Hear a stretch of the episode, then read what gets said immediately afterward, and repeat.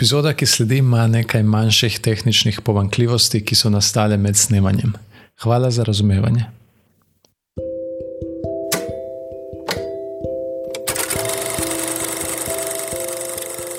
Dobr dan in dobrodošli v podkastu Filmarija, ki izhaja pod streho Društva slovenskih režiserjev.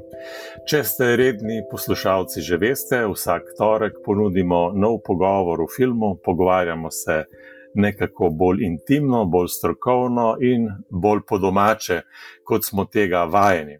Skratka, ker se filmari običajno pogovarjamo samo o filmu in ker so naši priljubljeni lokali trenutno zaprti, eh, smo se spravili za mikrofone in klepetamo na daljavo.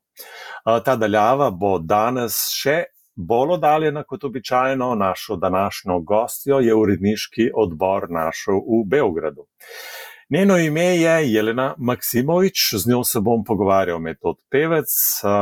Jelena je po vseh kriterijih, razen po opusu, mlada montažerka. Opus omenjam, ker je v svoji montaži doslej sestavila 20 celovečernih filmov, tako igranih kot dokumentarnih, da o kratkih filmih in televizijskih serijah ne govorimo. Ne smemo pa spregledati tudi dveh avtorskih dokumentarnih filmov Taurunom Boj in Domovine, ki jo je Jelena tudi zrežirala. V tem opusu 20 filmov so tudi štirje slovenski, zato precej dobro Jelena razume slovensko, vendar, ker bi radi od nje izvedeli čim več, se bomo vseeno pogovarjali v njenem jeziku. Jelena, živijo. Živijo. Mama, ja te zovemo Jelena, inače te svi zovu Maksa, a sigurno je još neko, a? Pa za sada samo vi. Aha, dobro. Onda se mi osjećamo uh, uh, maksimalno, eto. Uh, Jelena, uh, nedavno si na Facebooku objavila spisak gradova koji ti je nedostajao. Mislim da je bila na tom spisku i Ljubljana. Ajde reci nešto, zašto? Šta ti fali Ljubljana, mada je ovih, ovih mjeseca je prazna i šuplja je nekako. Pa da, pa mislim, nedostaje mi da vozim bicikl po, po Ljubljani i uopšte taj odnos sa prirodom koji je totalno drugačiji nego kad sam ovde. Zapravo uz pomoć Ljubljane sam ja shvatila na koji način želim da živim i na koji način želim da, ne znam, provodim, ovaj, nadam se, svoju blisku budućnost. Tako da, ovaj, eto, to, to, to je neki glavni razlog, a dru, drugi razlog, razlog su ljudi koji su stvarno, mislim, postoje nekoliko ljudi u Ljubljani koji su mi veoma značajni, od kojih sam baš puno naučila i o životu i o filmu, tako da eto, ovaj, nedostaje mi to druženje, neobavezno i tako, šetnje i ovaj, razgovori i brainstorming i tako. Da, nadam se da ćemo i mi, Ljubljančani, uskoro uživati u tom gradu, da se otvori za nas, da uživamo vani i tako, dobro, ostavimo Ljubljanu. A inače ti i nisi iz Beograda, ako smo tačni, ti si iz Zemuna i nekako si specijalno vezana na taj grad koji je doduše neko predgrađe Beograda, ali ipak Zemun je nešto specifično, jel da? Jeste, definitivno. I ja toga nisam bila svesna ovaj, e, do skora, do pre par godina zapravo. I išla sam u petu gimnaziju koja je na Tašmajdanu i tako sam stalno bežala iz Zemuna praktično. Ali onda kad smo krenuli da radimo to runu boj, nekako sam shvatila da ipak to kraj kom najviše pripadam, ipak taj neki, evo trenutno ne živim u Zemunu već nekih šest meseci, preselila sam se na autokomandu i baš mi nedostaje Zemun, jer stvarno je poseban vibe i nekako, ne znam, drugačije sve i zbog arhitekture valjda i zbog, ne znam, ovaj, tog nekog možda malo um, laganijeg uh, života. Mislim, nisam sigurna u to, ali mislim da je možda to, to razlog. Mm -hmm.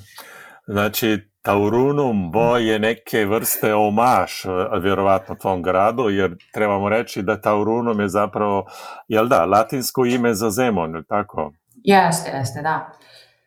Da, definitivno. Mislim, omaž mom gradu, omaž mom odrastanju i negde moje suočavanje ovaj, a, sa tim kao šta uopšte znači ovaj, imati u konkretnom slučaju 15 godina u Zemunu. Ovaj, nekako sam ponovila te, te ovaj, svoje godine i nekako sad na zreliji način uvidjela šta, šta je to za mene značilo. Mm -hmm. A, pa kad smo već kod Taurunum boja a, i onda su tu domovine, pa još su dva kratka filmova, ti si nekako ipak kao i, ka, i redateljka i montažerka, znači je li imaš neke probleme u toj dilemi šta da radiš tu između autorstva i montaže, mada i montaža pričat ćemo dosta autorska stvar, ali ipak kako se snalaziš u toj dihotomiji? Pa nemam dileme zato što je montaža moje uh, prvo i osnovno zanimanje, ovaj, a ovi rediteljski momenti su neki, ja to za sada posmatram kao neke izlete zapravo i neke, neku potrebu da se izrazim i na neki malo drugačiji način i da probam neke stvari koje sam načela u određenim montažnim postupcima. Tako da, ovaj, mislim, definitivno mi je mnogo teže da budem u ulozi rediteljke i to je nešto što me veoma čak i frustrira u nekim momentima, pogotovo kada je film završen i onda kad treba da se suočim sa, sa ove, reakcijama ljudi i tako dalje, ove, jer je velika odgovornost u pitanju. Ove, a nekako mi je ipak udobnije da budem montažerka i da znam da sam dala sve od sebe u datim okvirima i da je to to nekako da stojim iza svakog reza i iza svake strukture i da, da je to nešto što je sigurno u mojim rukama, da tako kažem, i u mom srcu, a, ovo je ipak mnogo klizaviji teren, ovo je mnogo otvorenije i mnogo podno, podložnije ovaj, um, ne znam, kritici i, i ne, ne paše se ja kritike koliko uh, ne bih žela da, da ovaj, pravim loše filmove nekako, možda, možda se najviše toga plašim. Dobro, znači imamo montažerku koja poštuje redateljski poziv u taj profil, jer ga zna iz svog iskustva i to je dobro za sve redatelje koje dolaze u tvoju radionicu i tako. To je vrlo dobro. Ja mislim da je to iskustvo super i mislim da je inače na filmu dobro ako ima filmađija vrstu različitih iskustava sa filmom s jedne strane, s druge strane i tako dalje. A dobro, ali ja bih opet da krenemo na sam početak. Baš me zanima, mislim da nikad nismo pričali ili sam možda zaboravio, kakav je tvoj prvi susret sa filmom? Mislim, na koja vrata si ti ušla u film i onako znamo izlaza nema, znači kako si ti ušla u tu klopku od filma? Pa, vrlo slučajno iskrena da budem. Mislim, ja sam kao volala da gledam filmove, ove, ali nije mi padalo na pamet da se bavim time. I ja sam studirala arheologiju pre montaže zapravo i bilo mi je super tamo, mislim sve sam davala ispite u roku i tako dalje. I onda mi je jedan drug zapravo iz odeljenja iz koji je takođe završio režiju kasnije e, iz odeljenja iz gimnazije rekao, e pa ja idem u filmsku školu Kvadrat, kao to je super, ja se pripremam za prijemni.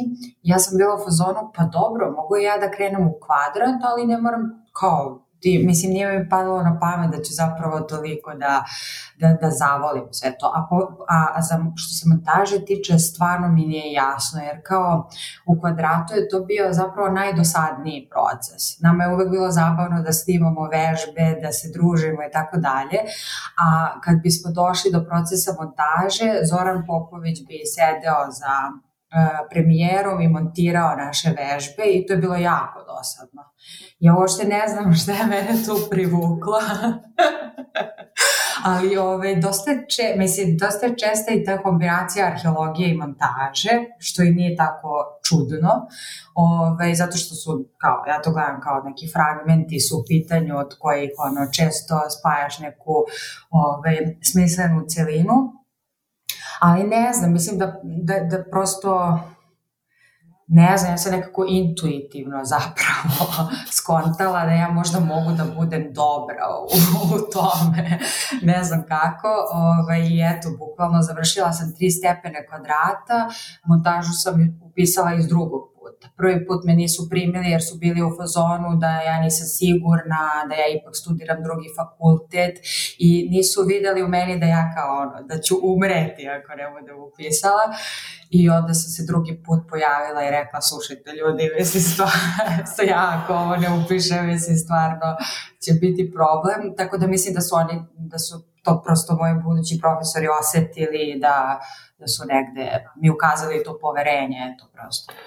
A, dobro, a znači kao studentkinja još nisi bila toliko talentirana, nisi, nisu te smatrali kao veliki talent ili Pa ne, mislim zapravo ja sam skoro čula pre par godina da su mislili da sam ja izgubljao slučaj, da sam ja neka kao tako, da ja nešto umetničarim, tako bez veze, uopšte nis, me nisu shvatali ozbiljno. I onda tek skoro sam čula da kad su određeni profesori kao skontali koliko ja zapravo radim, ovaj, bili u fazonu wow, kao nismo to očekivali od Makse, eto, ovaj, ali desilo se prosto. Znaš da je jedan tvoj um, kolega, slovenački reditelj, isto, on je završio arheologiju. Znaš koji? Da, da, zna, znam koji, da, da. Dobro, da ne pravimo kviz. Znači ima, da. a, ima neke veze, kako ti kažeš, između filma i arheologije. Mada ja još uvek to ne shvaćam, ali ja, ja nisam dovoljno talentovan Pa verovatno zato što ima veze, e, kao postoji povezanost između filma i kao života generalno i onda kao može, mislim, sva zanimanja su uključena. Možda samo to, možda samo kao, uopšte nije statistika u, u pitanju možda zapravo ni ne postoji puno arheologa koje, koji se bave filmom. Pa ne znam, možda i stvarno kad arheologu idu negde na teren, zapravo i oni valjda otkrivaju tamo neku priču, šta je, ko je živio, kako je živio, šta je upotrebljavao, šta je držao u ruci, šta je njegovo bilo, šta kakav je njegov bio život, šta znam. E, a, ali su sigurno arheolozi pod velikim suspenzom, jel da? Mnogo toga se ne zna i sad oni to otkrivaju. Možda, a, no Jelena, onda je tvoja karijera zapravo nekako se stvarno podigla uh, kad si se pridružila kompaniji oko non-aligned film. Uh, znači, to je neko, bolje da ti objasniš, ali radi se o mladim, poznatim srpskim autorima koji su se udružili u neku firmu i tu si ti zapravo počela sa Ognjenom Glavovnićem, sa pa sa Salatićem kasnije i tako dalje. Ajde, ispričaj malo o tom udruženju u koje si ušla, gde si zapravo počela je montirati igrane filmove i dokumentarne i sve. Da, mislim, ja sam zapravo prvo radila s Danetom Komljenom i Milicom Tomović još na faksu, a Ognjen Glavanić je bio sa njihove klase. Tako da nekako smo se svi znali s fakulteta a Stefan Ivančić koji je takođe suvlasnik Nona Linda je a, zapravo a, dolazio kod mene i Daneta u montažu i tako smo se družili. I, ovaj, I onda me zvao da, da radim s njim i tako nekako je to, to, to sve krenulo. Ovaj, a prvi dugometražni film koji sam radila je zapravo uh, bio u Sloveniji i to je mama Vlade Škafara, što je na, najinteresantnije kao da, da mi je sve vreme bio tako put nekako ovaj, ukršten sa, sa, sa Slovenijom.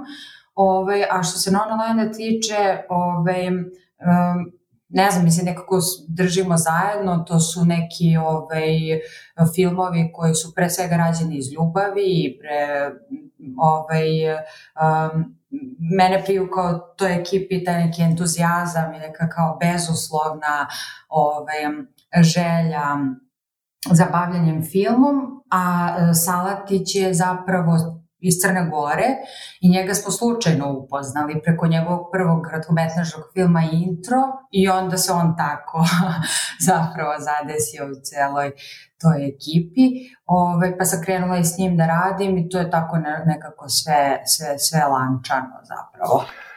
Uh, da, koliko, šta ja znam, koliko misliš da je to značajno, da se neka generacija druži, sarađuje u nekom okviru kao što on online ili možda nekom drugom, uh, koliko je to dobro za svako koji je u, u nekom tom, evo, nesvrstanom društvu.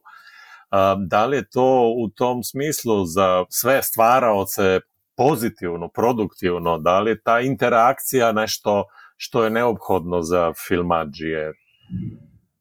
Pa meni je to jako važno i mislim da je ta podrška koju mi jedni drugima dajemo prosto presudna, jer kao ovaj, um, zapravo je jako teško naći se sam sa nekim idejama koje su možda malo drugačije od konvencionalnih mainstream filmova na, na prostorima bivše Jugoslavije. Dobro, sad mislim da sve više tako neke kao slobodnih filmskih formi, pa više nije kao što je bilo pre 10 godina, na primer, ali definitivno kada smo pružali podršku jednim drugima i kada je bilo kao jasno da priča ne mora uvek da bude jasna i da struktura može da bude malo eksperimentalnija i da je to sve u redu i da mi to kapiramo i da imamo slične filmske uzore i da negde i u jugoslovenskom filmu se radila gomila eksperimenata, nekako eto kao to ohrabrivanje jedni drugih eh, je bilo baš, baš eh, značajno, nekako i dalje je naravno. To si vrlo dobro objasnila. Slažem se, uvijek je to tako lakše.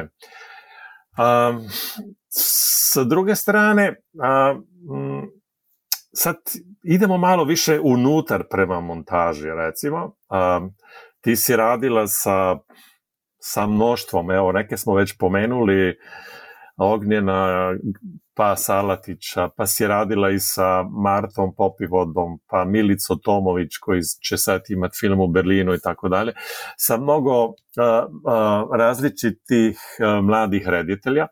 E, sad mene nešto zanima, recimo ti kad uđeš u montažu, uh, A, znači, mi vidimo samo film. Ti ulaziš u montaži, vidiš taj sirovi materijal, vidiš sve šta je taj redatelj napravio na terenu. Vidiš, znači, i sve greške. Vidiš tu pozadinu filma, čitavu tu istoriju. Ne gledaš samo filma. Pa me zanima, zanima me e, koliko zapravo ti tu i na neki način kao filmski autor naučiš iz te pozadine. koliko si zapravo, zapravo na neki način učiš na tuđim greškama, možda čak tako rečeno, malo grubo, ali ipak uh, tako mi se čuni, či, č, č, čini da recimo, barem za sebe mogu reći, najviše sam se naučio na svojim greškama, da sam u montaži nekih drugih filmova učio bi i na greškama nekih kolega. Jel? Sad, uh, reci mi nešto u toj intimi uh, tog prostora montaža. Pa da, definitivno, zato je montaža najbolje moguće zanimanje, zato što tu možeš ubedljivo najviše da naučiš. Ove, uh, ne, šalim se. Um, pa, uh, ja pre svega nekako kad ulazim u projekat, uh, postoji puno faktora nekako, u stvari nekoliko faktora o kojima razmišljam i dosta mi je bitno sa kakvom osobom radim i sada što više biram projekte, ovaj, sve više filtriram ljude koje mi prosto ne, ne odgovaraju iz raznoraznih razloga. Mislim da je ta energija koju razmenjujem u montaži veoma bitna i možda najbitnija stvar je zapravo ta otvorenost prema materijalu. Ja ono redko kad se zakucavam, jedino kad sam baš umorna, ali po, na, posle te stavove revidiram, nekako e, stvarno mislim da je sve moguće, stvarno mislim da e, materijal i sam film ukazuju na svoje mogućnosti i da ako si dovoljno otvoren i slušaš materijal, možeš mnogo toga da naučiš od samog sa, sa, samog materijala i samog, proces, i, samog procesa. I o, mislim, to možda zvuči sad kao neko veštičarenje ili previše abstraktno, ali ja zaista verujem da je to naj nekako ovaj, istiniti proces i i da ukoliko uložeš ogromnu ljubav i, i ne znam, energiju i ovaj, ukoliko si strpljiv i prosto uh, uložiš svo, svo, sve svoje znanje, nekako, mislim, to je prosto nekako dobar put da izvučeš maksimum iz, iz određenog materijala. Tako da, da, eto, nekako sve više verujem u te neke abstraktne stvari zapravo koje, koje se dešavaju u montažnom procesu, nego u neki kao čist formalizam, sa kojim sam počela zapravo. Mislim, ja sam bila vrlo, vrlo nekako čvrsta u svojim formalističkim stavovima na početku e, karijere, da tako kažem, a sada nekako mnogo više uključujem kao te slučajnosti, sam život, sam ne znam, slučajne odlos, odnose slike i zvuka koje mogu da se dese u određenim trenucima i tako dalje. Znači kao puštam puno, puno intuiciji na, na volju u toku samog procesa, ali naravno, mislim, držim uzde i kao svojim znanjem i iskustvom i, i naravno u saradnju sa rediteljkama i rediteljima, ali eto, nekako mislim da prosto postoje tako neke malo abstraktnije stvari koje, koje utiču na, na sam proces. A tu si sad već blizu došla jednom delikatnom pitanju, sećam se nekog našeg razgovora. A, ti imaš dosta jedno heretičko, a jeretičko a, a, mišljenje a, da scenarij nije toliko značajan. A, u principu, sećam se da smo razgovarali kako ti misliš da film nastaje na snimanju pa u montaži, da su te dve faze značajnije nego scenarij. A, dobro, klasično, obično mišljenje je da je zapravo scenarij najznačajniji, da je vrlo značajan, pa čak ja često sam ubeđen da su i scenarij i montaža na neki način um, da su na neki način um, uh, povezani od da je to scenarij početak pa montaža kraj, da se zapravo bavi montaža istim problemima kao scenarij, da je to o, zapravo ko slika u špiglu, da se vidi to. A reci mi šta, pono, mislim, ajde ako, ako možeš to pa da objasniš šta, šta, zašto ta, tvoj odnos prema scenariju. Znači, e, ja sam revidirala malo svoje stavove umeđu vremenu, pogotovo nakon ova dva dogmetražna filma koje sam korežirala i režirala. Ove, smatram da je scenario izuzetno važan kao neka osnova i, ove, i kao neko čvrsto tlo za koje možemo da se uhvatimo tokom snimanja. Uh, ali mi isto tako interesantno da budemo slobodni, da, da, da zabeležimo te neke neuhvatljive stvari u samom procesu i da improvizujemo ukoliko je to neka namera i, i prosto sam rad sa naturščicima, na primjer, i autentične lokacije nam dozvoljavaju da, da nekako budemo slobodniji u tim stvarima. Međutim, mislim, u čemu je zapravo stvar. Stvar je u tome što je meni scenario kao scenario jako dosadna forma za čitanje i naravno da ja pročitam, ve, mislim, većinu scenarija koje prosto e, filmova koje, koje ovaj, montiram, ali ne volim da se opterećujem um, tim stvarima uh, u smislu da ja sad kao nešto slepo se držim određene forme ili određenog redosleda uh, i nekako prosto kao da, da zatvaram određene potencijale materijala koje vidim samo zbog toga što je nešto napisano ovaj, pre, pre um, pre bilo kakvog zapravo živog dodira sa kamerom.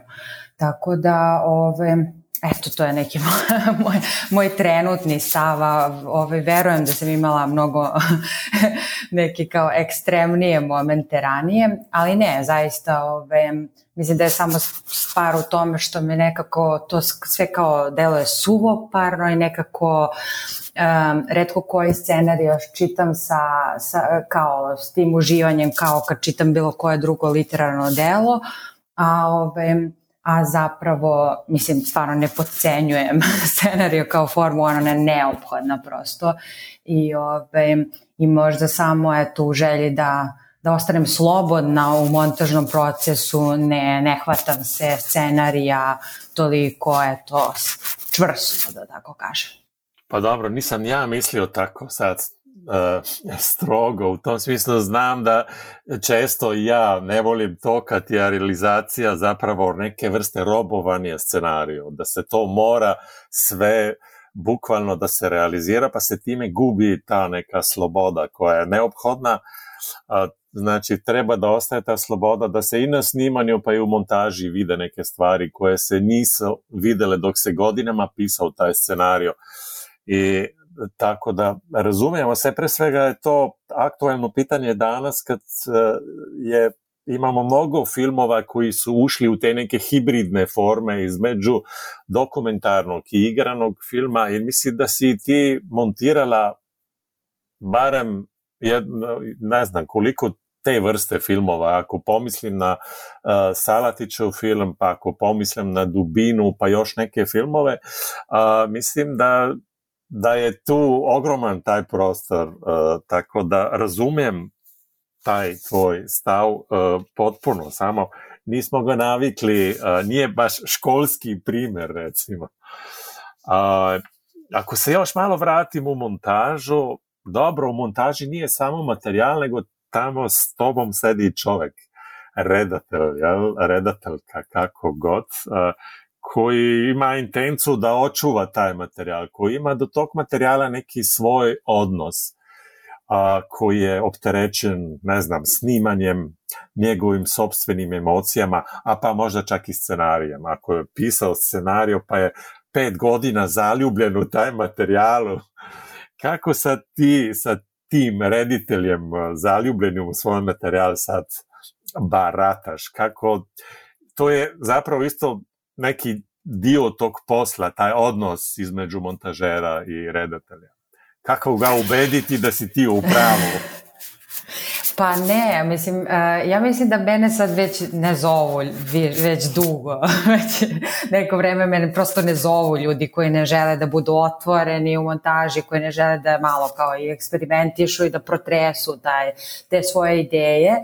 Ove, ovaj, s druge strane, e, ja nekako isto se sklanjam sve više ovaj, situacija u kojima vidim da, da je prosto to neki zakucan projekat u kom ja ne mogu zapravo da e, da pružim kao tu neku otvorenost za koju smatram da je jedna od mojih nekako najvećih možda vrlina u, u montažnom procesu ja se više ne postavljam, mislim, kad sam bila mlađa i kad sam bila nesigurnija, ja naravno da sam imala momente kao i svi ostali montažeri i montažerke, kao da, da nešto kao ja tvrdim ili ja mislim da sam u pravu, ja se oslobađam toga sve više i više sada.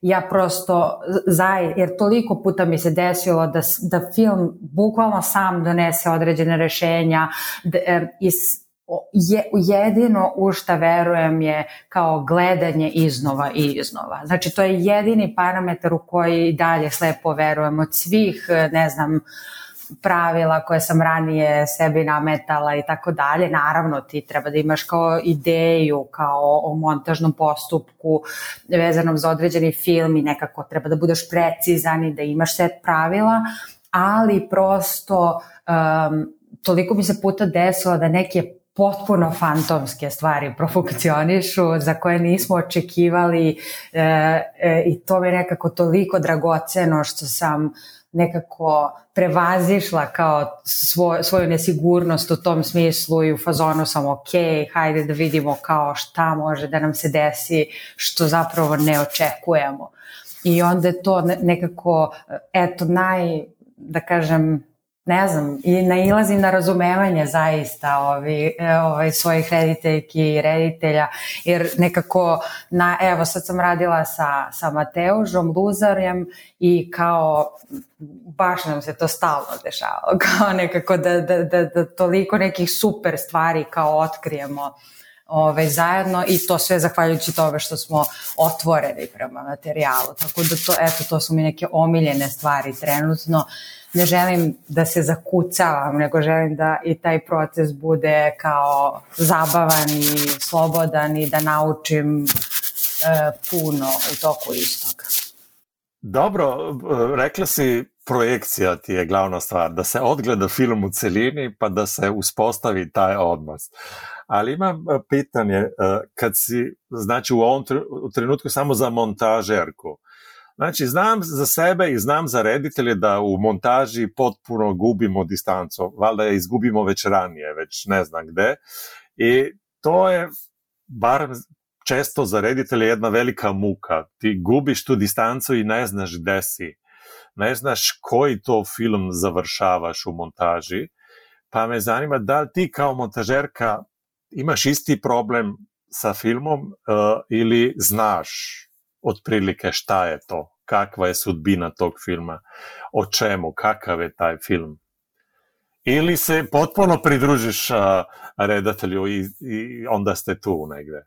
I onda plačemo i nikad ne završimo film.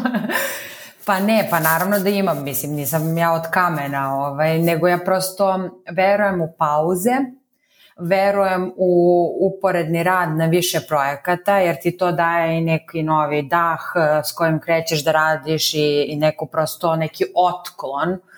Um, pa zapravo verujem u tu ideju uh, Chantal Ackerman koju je postavila, uh, a vezane je za gledanje iznova iznova. Uh, I mislim um, da ukoliko Um, ona je to malo ekstremnije radila, ona je pra, praktično za svaku izmenu gledala film od početka, ja to manj, malo manje ekstremno radim, ja napravim niz izmena koje, za koje se dogovorimo i onda gledamo zapravo uh, film iz početka. I mislim da zapravo u, kroz ta gledanja uh, naravno desi, dešava se to da ti se film smuči u potpunosti u jednom trenutku i da više nemaš nikakav otklon i da, i da čak počinješ da preispituješ mnoge odluke i tako dalje i prestaje film da ti se dopada, a onda ti to prebaciš praktično i stekneš tu nevinost iznova i mislim da buk, mislim svaki put mi se do sada to desilo da već kao nakon ne znam, jako puno gledanja zapravo um, kada je film pri kraju i kada je to to ti gledaš taj film sa uživanjem i nekako svestan si da je to, da je to kraj montažnog procesa. I nekako toliko puta sam sad već sebi to potvrdila da smatram da, da se tu nešto prosto dogodi u tim, u tim ponavljanjima što je, što je jako dobro zapravo. I mislim da ukoliko ti odgledaš, ne znam, dugometražni film, ono, 30-40 puta minimum, ono, ti ne možeš prosto da ne zapaziš greške i da, ovaj, i da nekako pustiš da, taj, da ta slika bude zaključena bez toga da si ti sigurna da, da je to to. Aha. Da, a, dobro, ti si montirala i neke filmovi koji stvarno nisu imali neki čvrst uh, scenario, pre svega dokumentarne. I uvek sam se pitao kako recimo recimo Dubina 2, to je film koji verovatno nije imao neki čvrst scenario. Pre svega, to je neka velika hrabrost, znači mi gledamo slike vode, smeća, ruševina i tako dalje i u pozadini idu te izjave nekih svedoka, ali nijednom ne vidimo te osobe koja priča. Znači, a, to je neka konstrukcija neke priče, neka naracija koja u cijelini izgleda kao stvar montaže.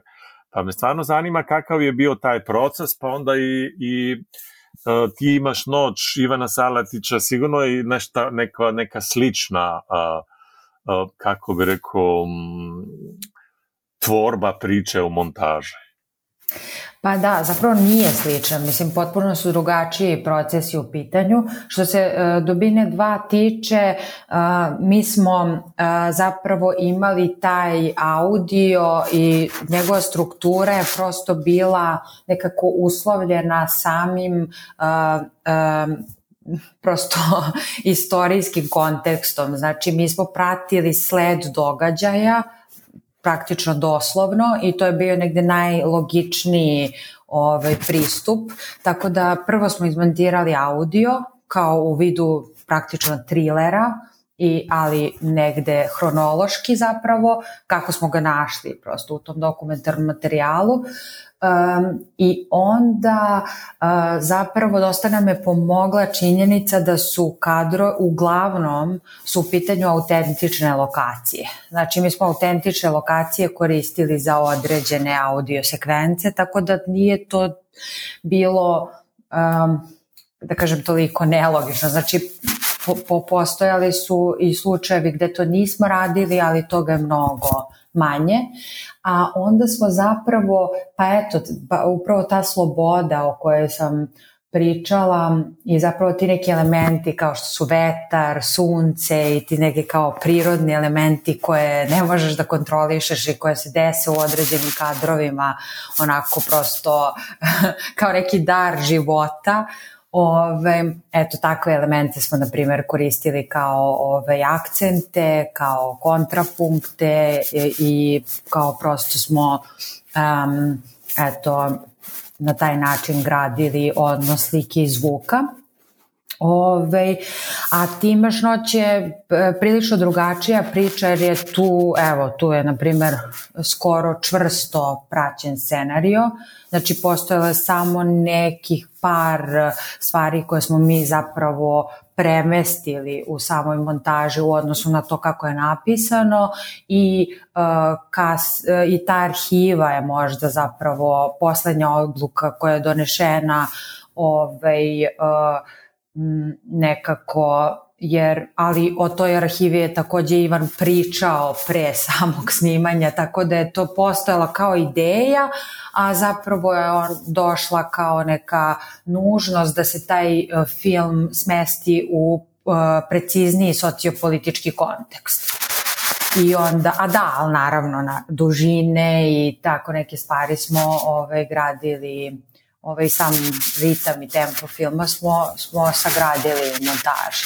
Tako da, ove, eto, to su ta dva procesa. A, ajmo onda da krenemo malo prema slovenačkom filmom. Kako si se ti srela sa slovenačkom filmom, sa Škafarom i tako kasnije sa drugim svima rediteljima? Pa, e, Škafara sam upoznala u Novom Sadu, kada je tamo bila projekcija Oče i uh, zapravo mene je taj film oduvao i negde ono plakala sam kao kiša i to mi je ostao i dan danas jedan od najznačajnijih ove, ovaj, savremenih filmova iz regiona. Uh, I međutim, tada sam bila formalistkinja sa vrlo čvrstim stavovima i zapravo smo krenuli da se svađamo na neki način nakon projekcije. Ja sam ga malte ne napala. Kakva su ti ono pretapanja i višestruke ekspozicije, pošto smo otišli na neku zajedničku večeru i, ovaj, i on me samo onako gledao, slušao, kako to samo Vlado ube i čuta, ono, bio u fazoru, pustio ovu budalu da, da se ispriča i ništa. Ovaj, onda smo nastavili da se družimo, tako nekako smo se odmah dopali jedno drugom, iako nije delovalo da će tako biti. I, ovaj, I onda je on mene zapravo iznenada pozvao, za mene iznenada pozvao da radimo na mami, pre svega da pišemo neke segmente zajedno, a onda i da montiramo zajedno i onda mi je tek tokom procesa pravljanja tog filma rekao pa da li sada shvataš zašto nisam smeo da pravim rezove u filmu Oča? I onda se rekla shvatam i to je bio tako neki prećutni uh, moment u kom smo, znači bez nekog objašnjavanja nekako ovaj, eto, izgladili ovaj, taj neki prvi sukob ovaj, i ne znam nekako eto, Vlado mi je otvorio tu priliku da da, da, da malo krenem da radim u Ljubljani i uh, s, pa da, onda zapravo sam radila još jedan dečiji film isto sa istom produkcijom, s Gustav filmom, pa nakon toga tvoj film, e sad ne znam kako, kako ste vi uopšte došli na, na, na ideju. Mi smo se nekako, eto tako... Priča se po Ljubani, tamo neka u Beogradu jedna dobra montažerka. To. A nisi rekla odgovor zašto, o, o, je, zašto su tamo bila pretapanja? Koji je bio tvoj, odnosno ne znam, njegov odgovor? Zašto u filmu Oča e, su pretapanja umesto rezova? Zato što neke stvari ne smeju da se seku. Aha. I to Mislim, je... To je... To je odnos Meni je to između... bilo dovoljno. Aha, to je odnos između uh, oca i sina, jel? Ne smeju da se seku. Pa ne, neki odnosi prosto, prosto ne smeju da se seku, a neki odnosi smeju da, da imaju jump cut ja, ja ne znam, ja sam to t, tako prosto ovaj, shvatila kao neku nežnost do određenih uh, pristupa materijalu, kao nešto što, što zapravo prema, mor, prema čemu moraš biti jako pažljiv da, da se ne bi raspalo. Dobro, to je to. Slovenski film, slovenački film. A, ajde da se vratimo malo u Srbiju, a, u Beograd. A, a, ti si dosta, ti si radila i sa a, redateljkama kao Milica Tomović, Marta Popivoda, a, koliko bi se moglo pričati kao u nekom ženskom filmu, o nekom ženskom senzibilitetu i tako dalje, da li su to neke gluposti? Ili Ne. Pa iskreno, ne, ja malo imam problem s tim stvarima. Mislim, meni je jasno kao da, su, da je sada jako bitno da se položaj žena popravi i smatram da je dosta ugro, da, da je, mislim, većina žena na ovom svetu bitno ugrožena i da nemaju svi prilike da se bave istim zanimanjima i da je prosto pogled zapadnog muškarca ono što je dominantno i sve meni to jasno, ali mislim da nekako um, je to teško primeniti na našu ekipu i naš kontekst tek tako. Ja mislim da stvarno te um, ja nikad nisam osetila ovaj, nikakvu uh, zapravo prepreku zbog toga što sam žena, naprotiv uh, i negde mislim da to nije ni, ni slučaj sa rediteljkama s kojima sam ja radila. Znači mislim da je stvar u talentu, hrabrosti, u, u načinu pričanja priča bez obzira na, na pol i rod i negde pre svega zato što smo mi um, ne znam, prosto mi smo kvir svi na neki svoj način, tako da ne, nekako ne vidim tu, tu razdvojenost prosto. Ove, jer sam podjednako povezana i sa, sa svojim rediteljkama i sa rediteljima i nekako zaista nikada nisam bila ugrožena ni u kojem smislu, ponavljam, tako da, eto, ne znam, ovaj, i, mislim, baš mi se to često sada dešava sa domovinama, pogotovo što je to jedan ženski film i to je prosto film koji, ovaj, uh, nastaje u trenutku kada ja shvatam da sam ja, da više nisam nikakva devojčica, već sam žena u srednjim godinama i ovaj, uh, ali ne znam da odgovorim na to pitanje. Prosto ne osjećam da, da, da ne, ne znam, eto kao u, u, na svojoj koži nikada nisam osetila ugroženost u tom smislu, tako da ne mogu da pričam o tome. Jelena, dobro, da li bi bilo opravdano da bi ovde recimo iz Ljubljane govorio da postoji u Srbiji neki novi srpski film u odnosu na neki stari srpski tradicionalni film? Da li to postaje ta neka generacija koja pravi drugačije filmove, neko, neko, neka starija generacija? Jer izgleda da ima tu i neki sukop između generacija ili preterujem ako kažem novi srpski film, mladi srpski film koji je doduše uspješan po festivalima, koji ima neko vrlo, koji je prepoznatljiv u svijetu. Pa znaš kako, ja sam razmišljala dosta o tome, ovaj, zapravo baš iz razloga što se, što se dosta govori o tom nekom novom, novom talasu, post-jugoslovenskom talasu, mislim da je to sasvim prirodna situacija, jer kad pogledamo istoriju filma, znači mnogi pravci su se zapravo de, desili, mnogi veći pravci su se dogodili nakon ratova. E sad, um, definitivno mislim da se ovi filmovi koje mi sada pokušavamo da pravimo razlikuju od filmova 90-ih, ali ne mislim da se toliko razlikuju od jugoslovenskog tipa crnog talasa ili jugoslovenskog eksperimentalnog filma, jer to je sve na vrlo sličnom tragu danas, samo je prosto novi kontekst, tehnologija je drugačija, mi smo drugačiji, imamo drugačije iskustva i naravno teme su drugačije zato što nam se desilo ovo sve što nam se desilo tokom 90-ih.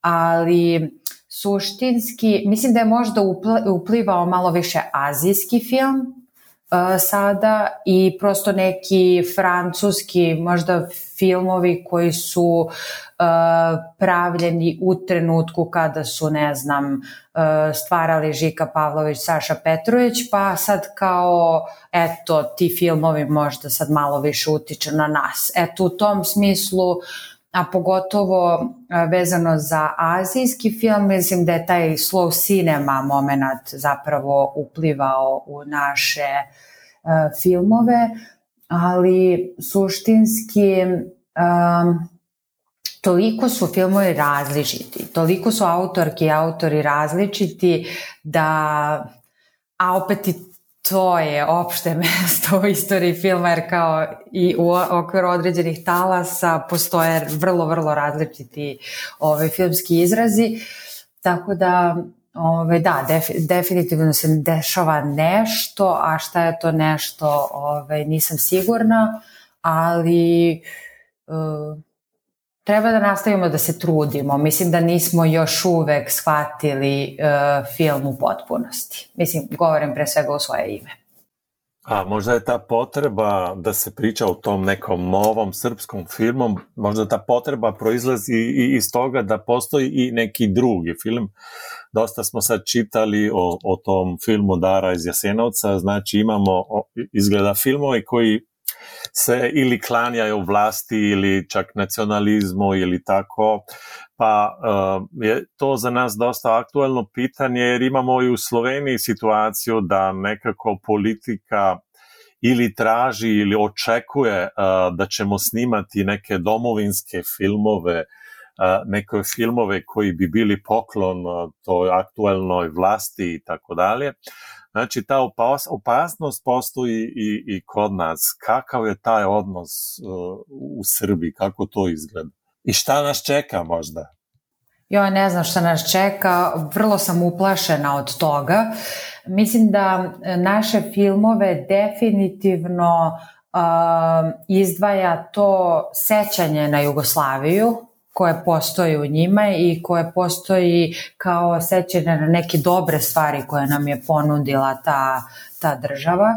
Ove, a nekako definitivno nismo ti koji ćemo se klanjati vlasti i to nikada neće biti tako, znači ni u kom kontekstu, pa makar i prestali da snimamo filmove. Uh, Ove, a mislim da, da, da je jako veliki problem što nismo napredovali u, u, pre svega u financijskom smislu. Mislim da nam nisu prosto više, nismo toliko ni mladi, niti imamo toliko prosto energije i vremena da, da, da, da i dalje imamo jako male honorare i da se borimo i da bez obzira na sve pravimo filmove. Mislim da, da bi trebalo, s obzirom na naše uspehe i naše naše učešće na festivalima, da bi prosto naši budžeti takođe trebalo da porastu, ne u smislu 7 miliona koje je dobio Dara iz Asenovca, pošto mislim, to, o tome možemo samo da sanjamo, ovaj, nego u smislu nekih ono, pristojnih honorara od kojih možemo normalno da živimo i da ne moramo da radimo neke poslove koji su prosto uh, ispod svakog nivoa za naše CV-eve. Uh, Tako da ono, nadam se da će se nešto promeniti u tom smislu, jer mislim da smo umorni od toga da radimo prosto dugometražne filmove za 9000 eura. Mislim da je to stvarno sramotno i da, da nismo to zaslužili s obzirom na naše uspehe.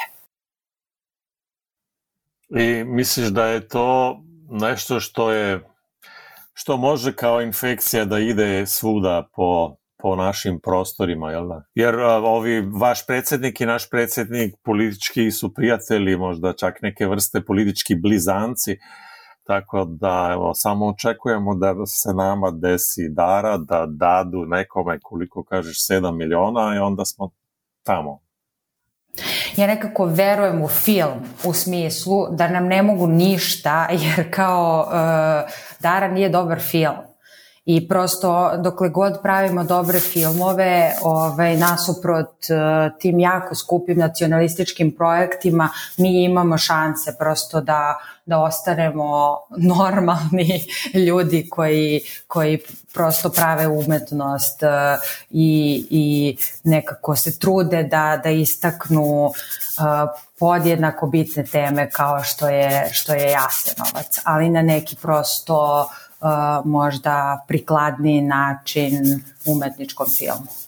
Jer zaista smatram da je bitna tema i zaista na neki način mi je žao što taj film nije dobar. Mislim, zaista sam želela da taj film bude dobar pa da prosto imamo nešto ovaj, iza svega toga i da, te, da taj novac prosto nije protraćen, ali nažalost, nažalost to nije slučaj.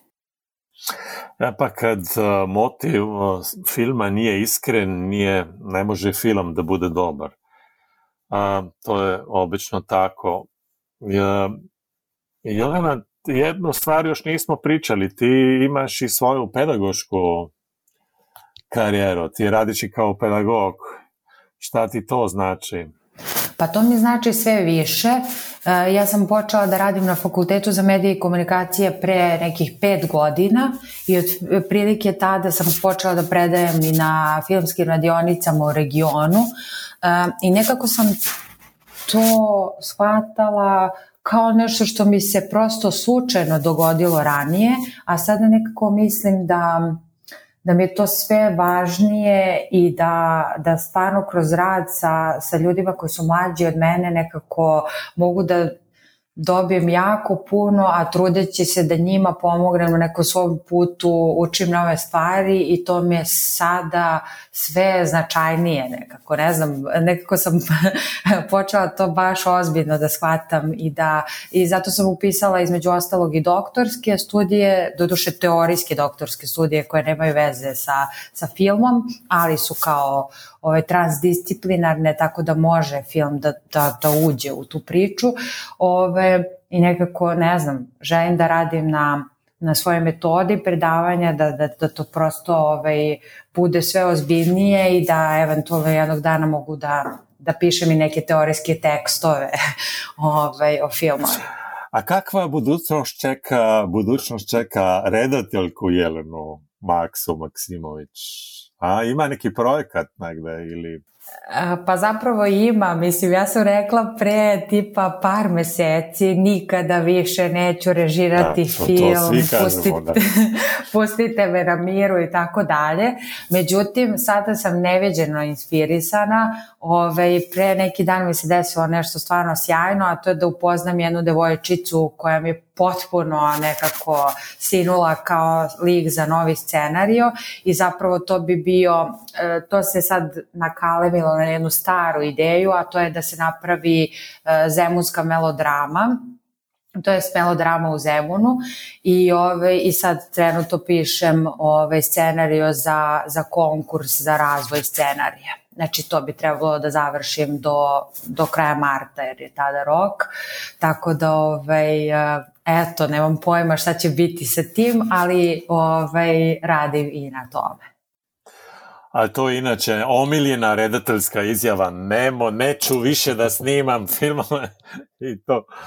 Tako da, možeš to posle svakog filma da kažeš, to je, znači, reci mi još jedan, to je obično moje poslednje pitanje, šta će biti sa kinama? Hoćemo se vratiti u kino, u, u bioskope? Ili ćemo ostati ovako online? Ja sam već zaboravio kako izgleda kino.